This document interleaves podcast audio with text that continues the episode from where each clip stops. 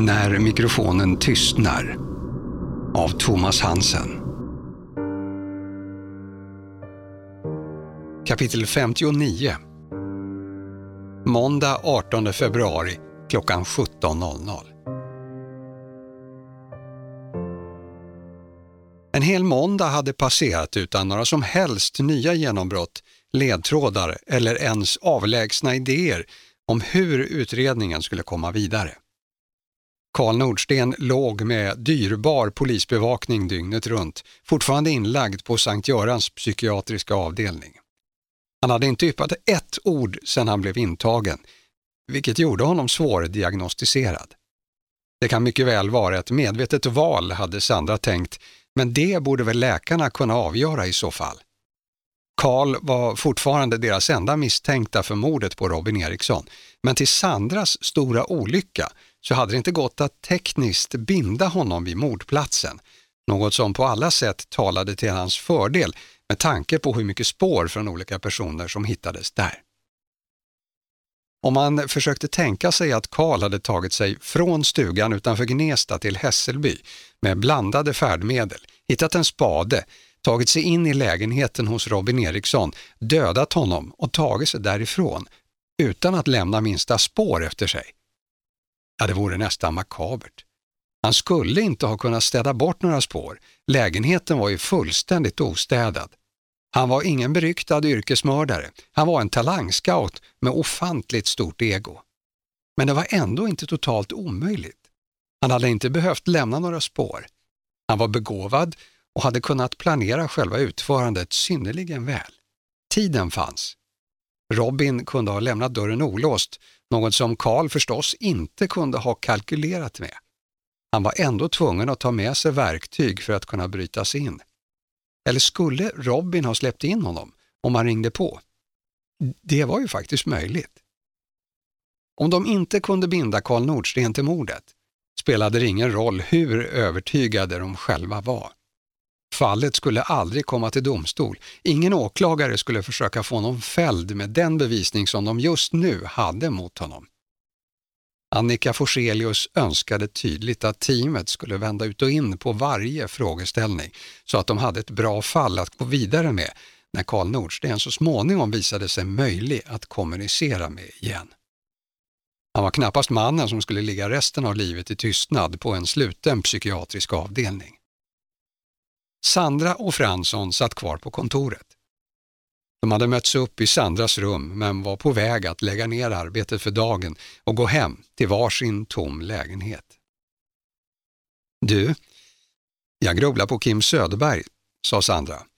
Varför ljög han om att han hade kontakt med Alicia? Nej, jag fattar inte det. Han kanske bara ville slippa bli inblandad och undersökt. Men varför ljuga? De två personer som skulle kunna ta illa upp är ju döda. Fast han har ju inte något bra motiv för att döda Robin Eriksson, påpekade Fransson. Ja, det har han väl. Om han fortfarande älskar Alicia och vill göra sig av med hennes kille för att få henne för sig själv. Fransson tyckte att Sandra fiskade efter förklaringar där de inte fanns. Nu tror jag att du är trött. Alicia var ju redan död. Sant. Men Kim trodde ju precis som alla andra i Sverige att det var Robin som hade gjort det. Han hämnades Alicia genom att döda Robin. Ja, men då räcker det inte att han är arg. Han måste vara ett psycho också. Sandra tänkte på hans beteende i musikaffären. Kim Söderberg var verkligen arg, både på Robin och på Karl. Jag skulle vilja matcha hans DNA mot proverna från lägenheten. Är vi inte överens om att det var Karl som gjorde det? Visst, men det finns ju ingen bevisning. Och ju fler vi kan utesluta desto bättre. Även om Kim inte har något direkt motiv att döda Robin, ja annat än gammal svartsjuka i så fall. De funderade båda på möjligheten. Men det var svårt att släppa Karl Nordsten ur tankarna där han låg på sjukhuset med en eventuell psykos. De var tvungna att ha en huvudlinje, men huvudalternativen, gärningsman eller offer, låg så långt ifrån varandra som det var möjligt. Sandra var något mer benägen än Fransson att se honom som skyldig, vilket kanske inte var särdeles konstigt med tanke på att han faktiskt hade skjutit efter henne när hon skräckslagen flydde genom skogen. Till slut bestämde sig Sandra för att hon ville undersöka Kim mer ingående. Det var något med honom som störde henne. Jag kontaktar honom igen för att fråga varför han ljög om sin kontakt med Alicia.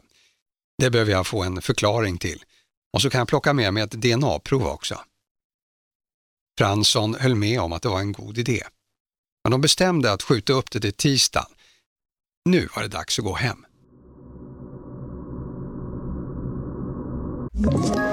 Ett poddtips från Podplay.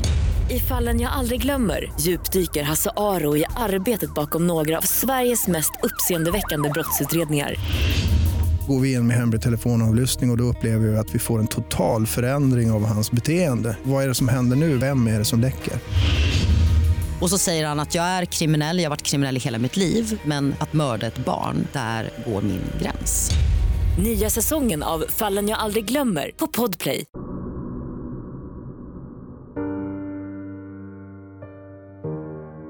Kapitel 60 Måndag 18 februari klockan 17.20.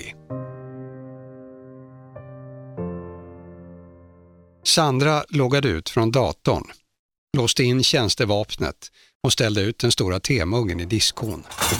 Hon var just på väg att stänga dörren bakom sig när hon greps av en stark känsla av otålighet. Att skjuta upp saker till morgondagen låg inte riktigt för Sandra Collin. Hon bestämde sig för att åtminstone ringa Kim Söderberg och bad Fransson stanna kvar och lyssna.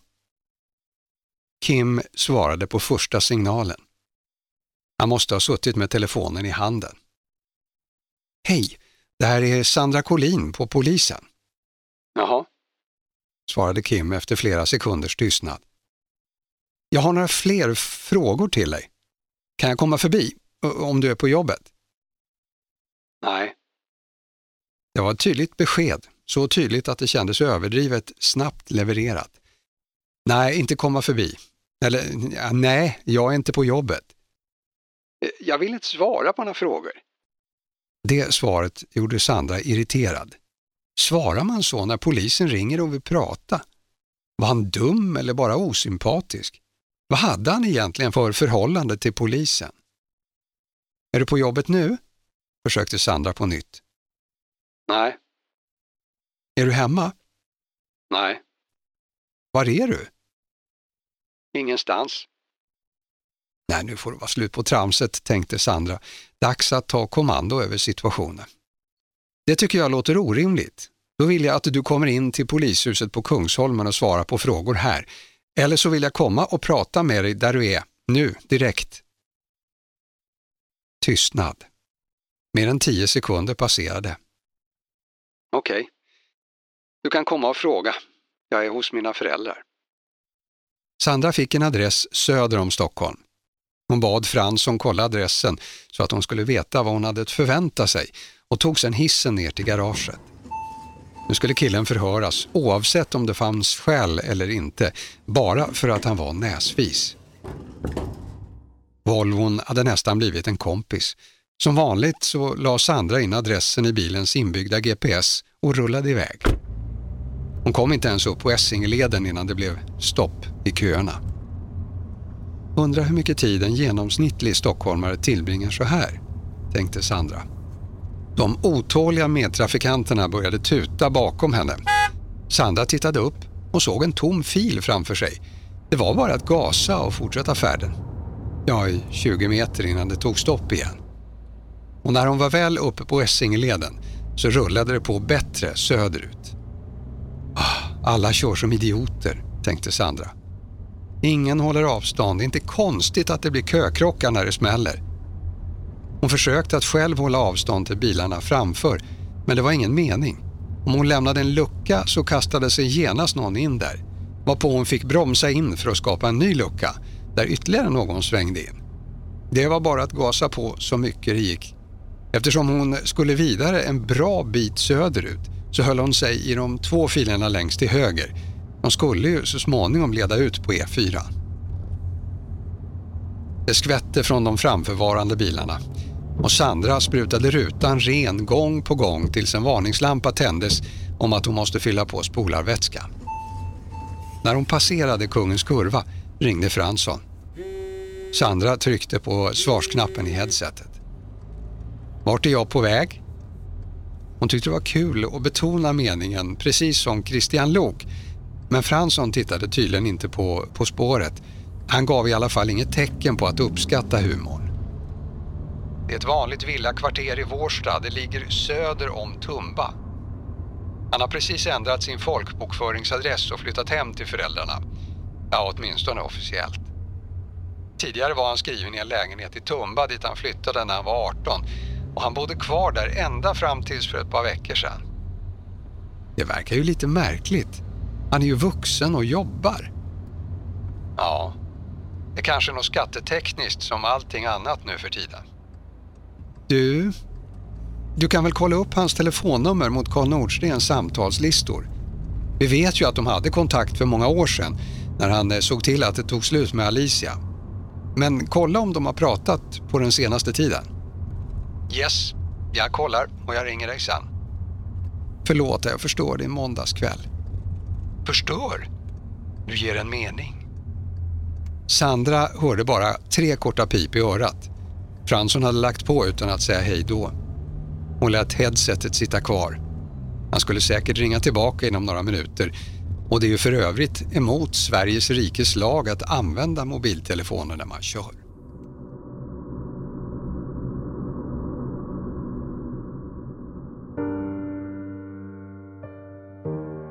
Kapitel 61 Måndag 18 februari klockan 19.10 Huset var mycket riktigt en vanlig familjevilla i ett idylliskt område. Trädgården gränsade till skogen och det stod stora runda studsmattor på flera av tomterna, dock utan plastväv. Ställningarna stod kvar som tomma skelett under den kalla säsongen och här hade Kim Söderberg växt upp. Kanske hade Alicia Nordsten också varit här. Ja, eller kanske inte, för Kim hade ju redan flyttat hemifrån när han träffade Alicia. Sandra hade inte tagit reda på hur de två träffades, men det hade väl antagligen något med musik att göra. Han jobbade i musikaffär och hon var sångerska. Där fanns kopplingen. Hon skulle fråga honom om ett par minuter. Hon ringde på dörrklockan till dörren som Kim öppnade direkt. Han stod uppenbarligen vid dörren och väntade. Sandra mötte hans blick. Den var mörk men samtidigt lite rädd. Utan musikaffärskjortan så såg han snarast ut som en klassisk skinnskalle med sitt rakade huvud. Det var det mörka skägget som inte stämde överens med fördomen, men alla hade ju skägg numera. Okej, okay. vad vill du fråga om? Är du ensam hemma? Ja. Jag vill fråga om din kontakt med Alicia Nordsten. Ja, men det var ju länge sedan vi var tillsammans, sa jag ju. Han vände utan kommentar och gick ut i köket. Jag ska bara hämta kaffe, hörde hon honom säga på avstånd. Sandra stod ensam kvar och tittade sig lugnt omkring. Hon fick en bra känsla av att befinna sig i den här typen av hus. Hon var själv uppväxt i ett liknande. Hallväggarna var vita och golvet bestod av ljus parkett. Sandra gissade på björk, även om just träd inte var hennes bästa ämne. Det kunde lika gärna ha varit poppel eller bambu. På väggen hängde bilder på det som man fick anta var barnen i familjen. Av kläderna att döma var bilderna inte av senaste årgång, snarare 15-20 år gamla. Det visade en flicka i tioårsåldern och en pojke på 7-8 år. Det syntes på ögonen att pojken var Kim som liten. Han hade en tröja med brandbilar på och log mot kameran. Telefonen vibrerade i fickan och ringsignalen plingade bekant i örat. Headsetet satt fortfarande kvar. Sandra tryckte på svarsknappen och fick Fransson i örat. Han hann inte mer än säga hej. Sandra pratade först och fortfarande med blicken på fotot på väggen. Du, eh, eh Kim Söderberg, han är rödhårig. Fransson svarade inte. Sandra upplevde tystnaden som en smärta, som hon slagit sig själv i ansiktet med en insikt vars innebörd hon inte var helt säker på, men som hon instinktivt blev rädd för. Det brände till i bröstet. Hon vände sig om och såg Kim stillastående en meter ifrån sig. Han tittade på henne med tom blick och ställde lugnt undan kaffekoppen som han höll i vänster hand. Som den självklaraste sak i världen drog han sedan fram en 30 centimeter lång kökskniv som han gömt i högerhanden bakom ryggen och riktade den mot ansiktet på polisen som stod i hans hall. Han sa inte ett ljud. Sandras inre skrek i panik och reflexmässigt flyttade hon sig snabbt mot dörren. Hon hörde hur Kim började röra sig efter henne, vred huvudet en aning åt sidan och märkte i ögonvrån att han kastade sig mot henne. Hans arm träffade henne i ryggen, vilket gav henne en extra skjuts framåt. Samtidigt som hon föll mot dörren så lyckades hon till sin lättnad trycka ner handtaget.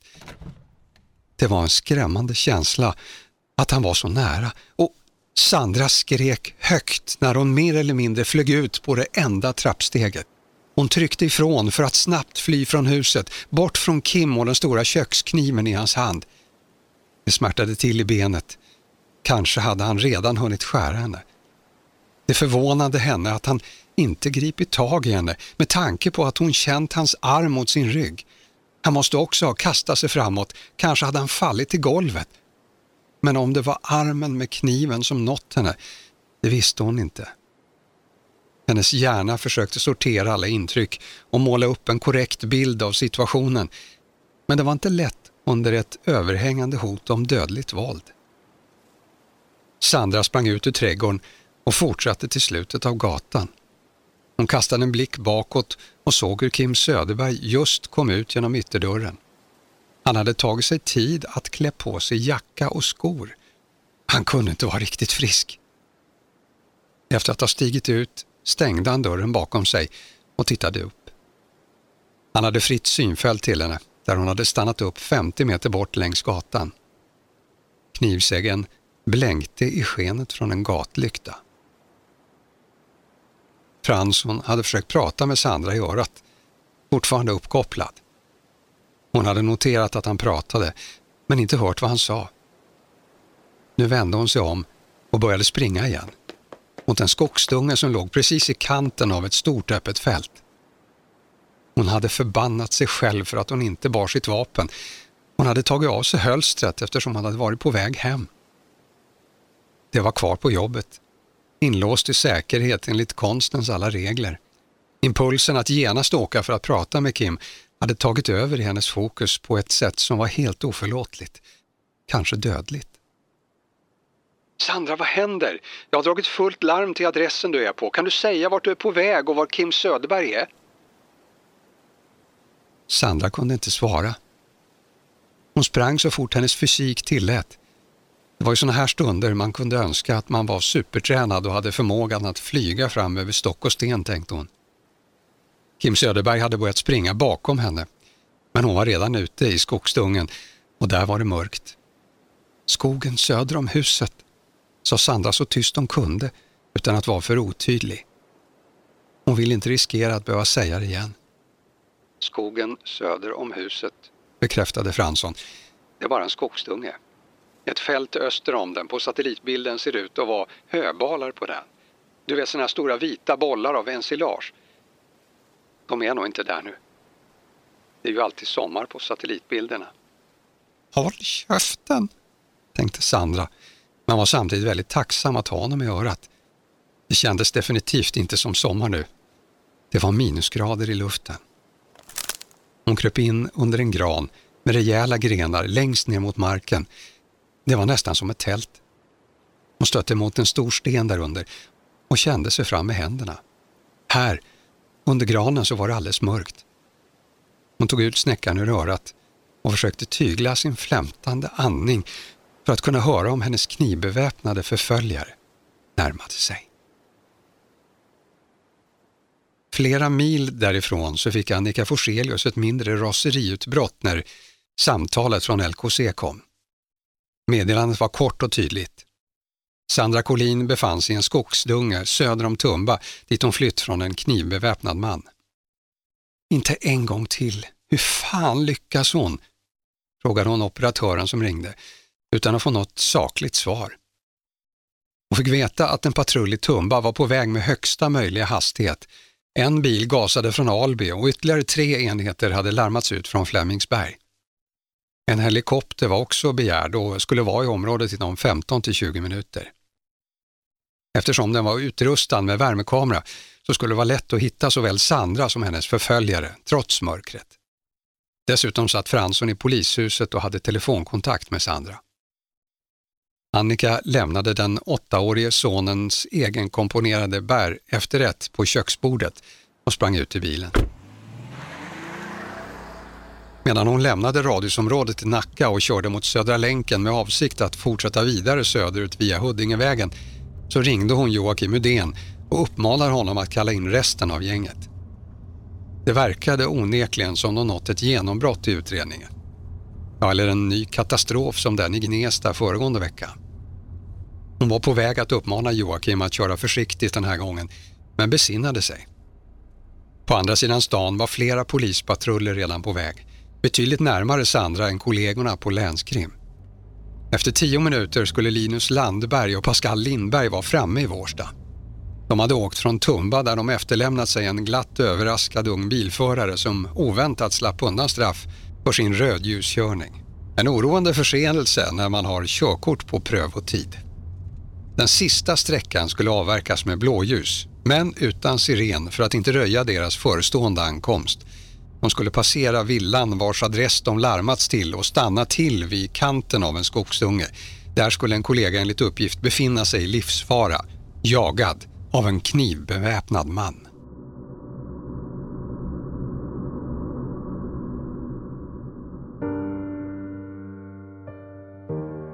Kapitel 62 Måndag 18 februari klockan 19.35 Kim hade under de senaste tio minuterna gått från iskallt beräknande till kokande inombords. Han hade förstås funderat på risken att polisen skulle misstänka honom när hans före detta flickväns nuvarande pojkvän blev mördad, men det var ändå ganska osannolikt. Han hade inte haft kontakt med Alicia på många år, så vitt alla utom han och Alicia kände till i alla fall. Men så hade de råkat träffas i musikaffären. Hon visste inte att han jobbade där.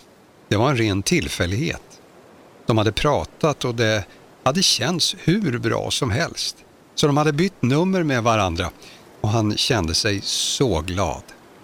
Alicia var fantastisk. Han hade saknat henne så mycket. Och nu när hon var myndig så kunde inte hennes idiotiska pappa bestämma längre.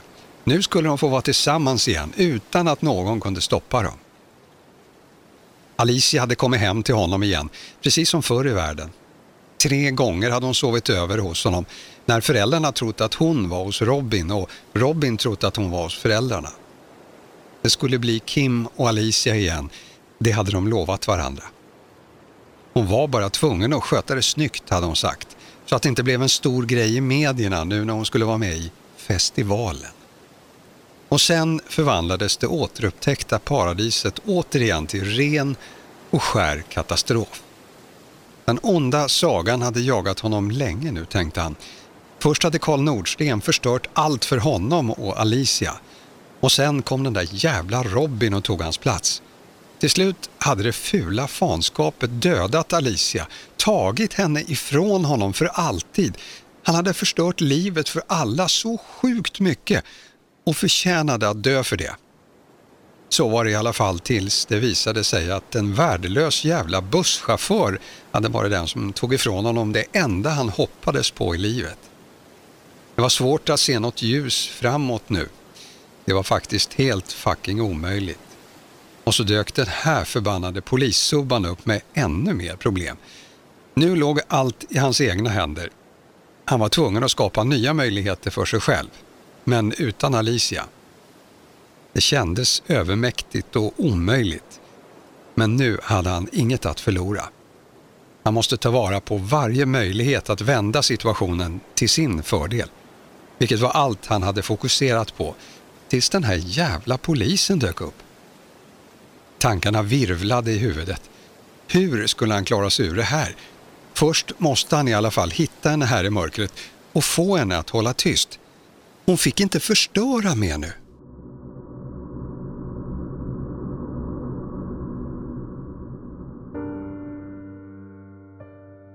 Kapitel 63 Måndag 18 februari klockan 19.40 Gömd under granen hörde Sandra hur någon gick omkring bland träden, frustande av ilska, men utan att säga ett ord. Att någon annan än Kim Söderberg skulle vara på skogsutflykt i totalt mörker fann hon osannolikt. Men hon hade inte för avsikt att hojta på honom för att få bekräftelse. Skogsdungen var liten och med tanke på att den låg precis bredvid det hus där han vuxit upp så kände han förmodligen varenda sten och stig här. Särskilt hade den lille rödhårige killen byggt kojor i träden och haft gömställen under granarna och kanske kunde Sandra sitta säker under det låga grenverket i den stora granen en liten stund till hon försökte intala sig att den nog inte har varit ett så bra gömställe på den tiden när lille Kim vistades i skogen. Men han gick runt och lyste med sin mobiltelefon som ficklampa och snart skulle han hitta platsen där hon satt. Det var bara en tidsfråga. Pulsen ökade. Hennes andning blev allt mer intensiv. Hon tänkte att hon måste försöka lugna ner den för att inte börja flåsa och riskera att röja sitt gömställe. Han hade gått förbi en gång och försvunnit längre bort. Nu hördes hans svepande rörelser bland grenarna närmare igen. Sandra funderade på att också använda sin telefon som ficklampa så att hon kunde ta reda på exakt hur marken och granen såg ut och vilka möjligheter hon hade. Men bestämde sig för att de möjliga fördelarna inte trumfade den större risken att snabbt bli lokaliserad. Hon byggde upp en mental bild av hur hon så tyst som möjligt kröp ut från granen och gick framåt med tysta steg och armarna utsträckta framför sig för att inte riskera att kliva rakt in i ett träd eller en gren. Det skulle inte gå att se henne i mörkret om hon skulle vara ljudlös som en smygande tiger på savannen, tänkte hon. Så hörde hon Kim passera i närheten igen. När hon fick känslan av att han var på väg i riktning bort från hennes gömställe bestämde hon sig omedelbart för att det var dags. Hon höjde en gren så mycket hon orkade och hukade sig för att komma under den. Sen tog hon några snabba steg framåt. Det gjorde mer ont i benet nu, helt klart var det skadat.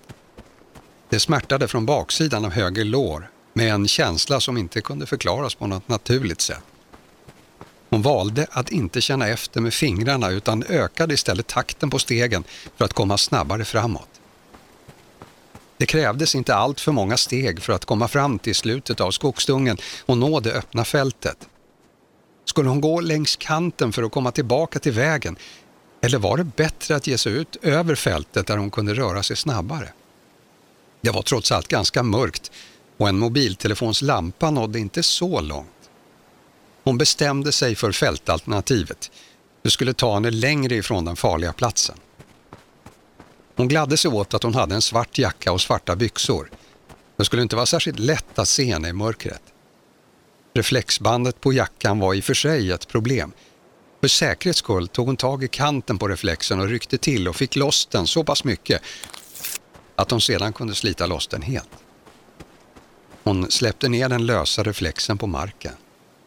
Nedskräpning var visserligen ett brott men omständigheterna var förmildrande. Därefter satte hon omedelbart fart rakt framåt. Det var mörkt, men inte bäckmörkt. Hon kunde se marken svagt någon meter framför sig och åtminstone ana terrängen ytterligare en bit framåt.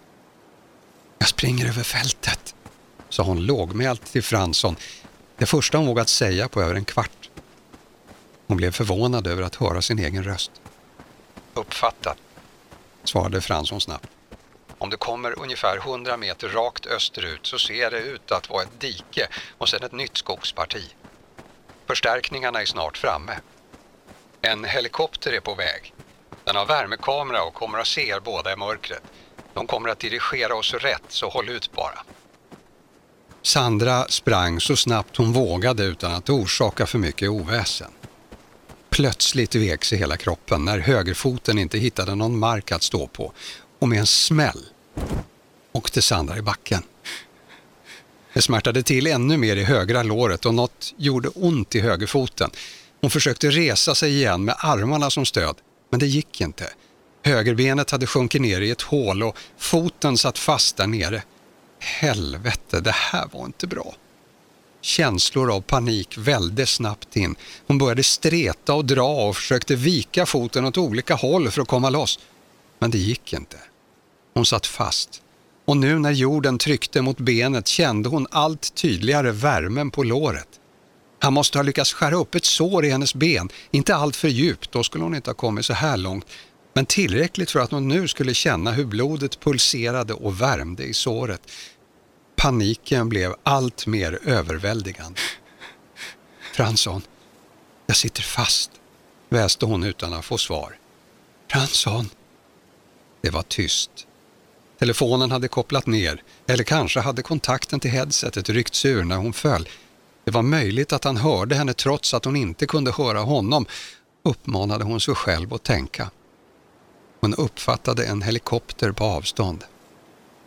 Det måste vara den utlovade polishelikoptern, om nu inte någon kvällstidning lyckas få tag på en helikopter och han först. Inget var omöjligt. Vad det än var som lät i luften så skulle det säkert dröja ytterligare några minuter för det att nå fram. Innan dess kunde Kim Söderberg mycket väl hitta henne och nu kunde hon inte ta sig därifrån. Dessutom skulle det inte vara lika lätt för henne att höra var han befann sig när helikopterns rotorblad byggde en ljudkuliss som var svår att filtrera bort. Hon tittade sig omkring men kunde inte se hans ficklampa. Han var förmodligen kvar inne bland träden och letade efter henne. Eller hade han kanske släckt lampan men visste precis var hon befann sig. Om helikoptern nådde fram skulle den kunna lokalisera dem med hjälp av värmekameran. Men nu kunde Sandra inte längre kommunicera med kollegorna via Fransson. Helikoptern skulle också kunna välja att lysa upp fältet men det skulle också betyda att den knivbeväpnade mannen skulle se henne tydligt. Hur galen var han? Skulle han rusa fram och hugga kniven i henne trots att det var en polishelikopter hovrande ovanför? Det var omöjligt att veta. Han skulle aldrig kunna komma undan, men var han ett riktigt psycho så skulle han inte reflektera över det. Då skulle han bara döda henne. Precis som han förmodligen mördat Robin Eriksson och kanske även Silvana Nordsten. Det resonemanget ledde onekligen fram till att Karl Nordsten trots allt var oskyldig. Sandra hade varit så säker på hans skuld att hon naivt trampat rakt in hos den egentliga gärningsmannen och nu satt hon fast på ett fält med honom och hans kniv precis i närheten. Det var helt obegripligt att foten kunde sitta fast så hårt. Det måste gå att få loss den. Om hon drog uppåt med all styrka hon kunde uppbringa så måste det väl gå.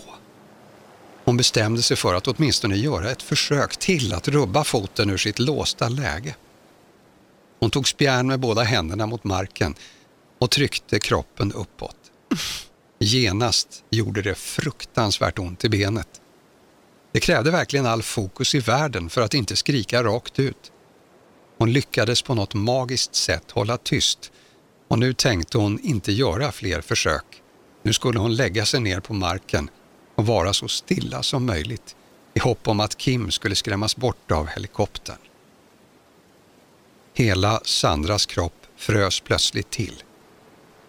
Trots att ljudet av helikoptern kom allt närmare och ökade i intensitet så hörde hon fotsteg på fältet bakom sig.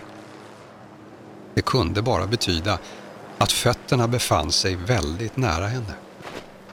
Hon vände försiktigt på huvudet och såg en siluett bara en bit bort.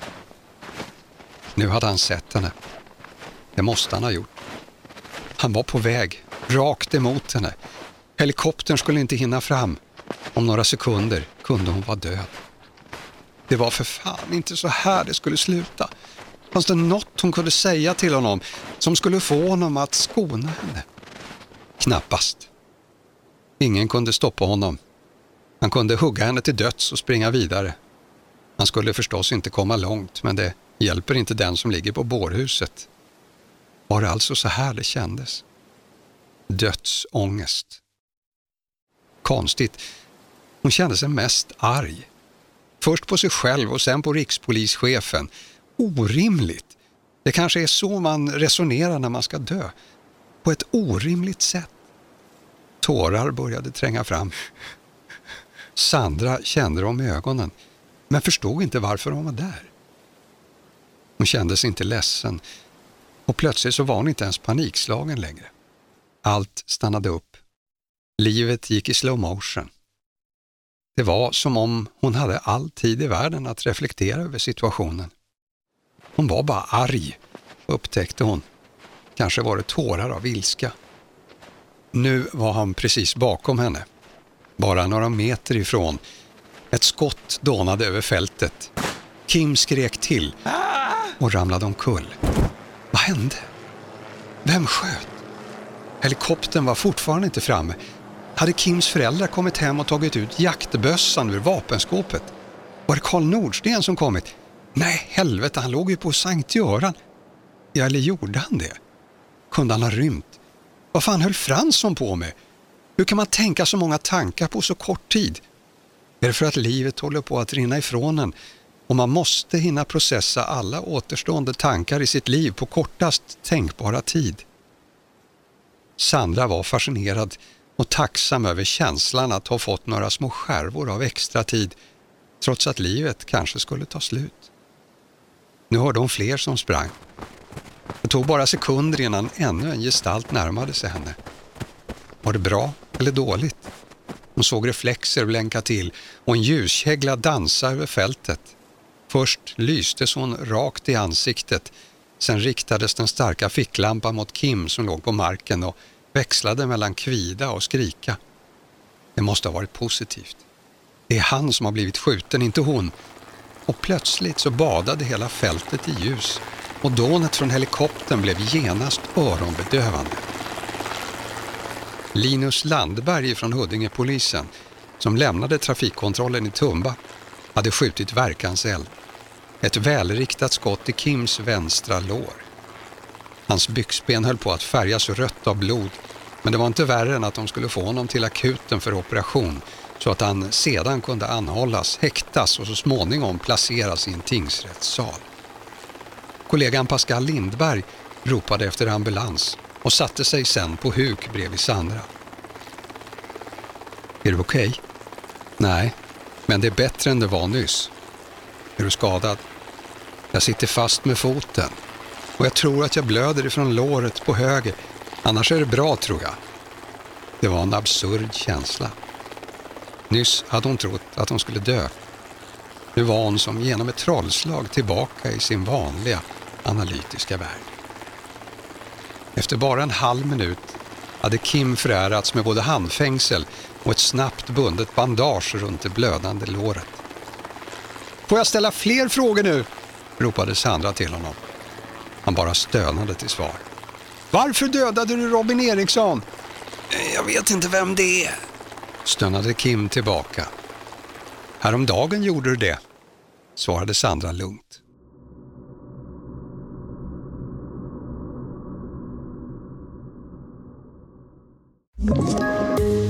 Poddtips från Podplay. I podden Något Kaiko garanterar östgötarna Brutti och jag, Davva, dig en stor dos skratt. Där följer jag pladask för köttätandet igen. Man är lite som en jävla vampyr. Man har fått lite blodsmak och då måste man ha mer. Udda spaningar, fängslande anekdoter och en och annan arg rant. Jag måste ha mitt kaffe på morgonen för annars är jag ingen trevlig människa. Då är du ingen trevlig människa, punkt. Något Kaiko, hör du på Podplay. Därför är gardinerna.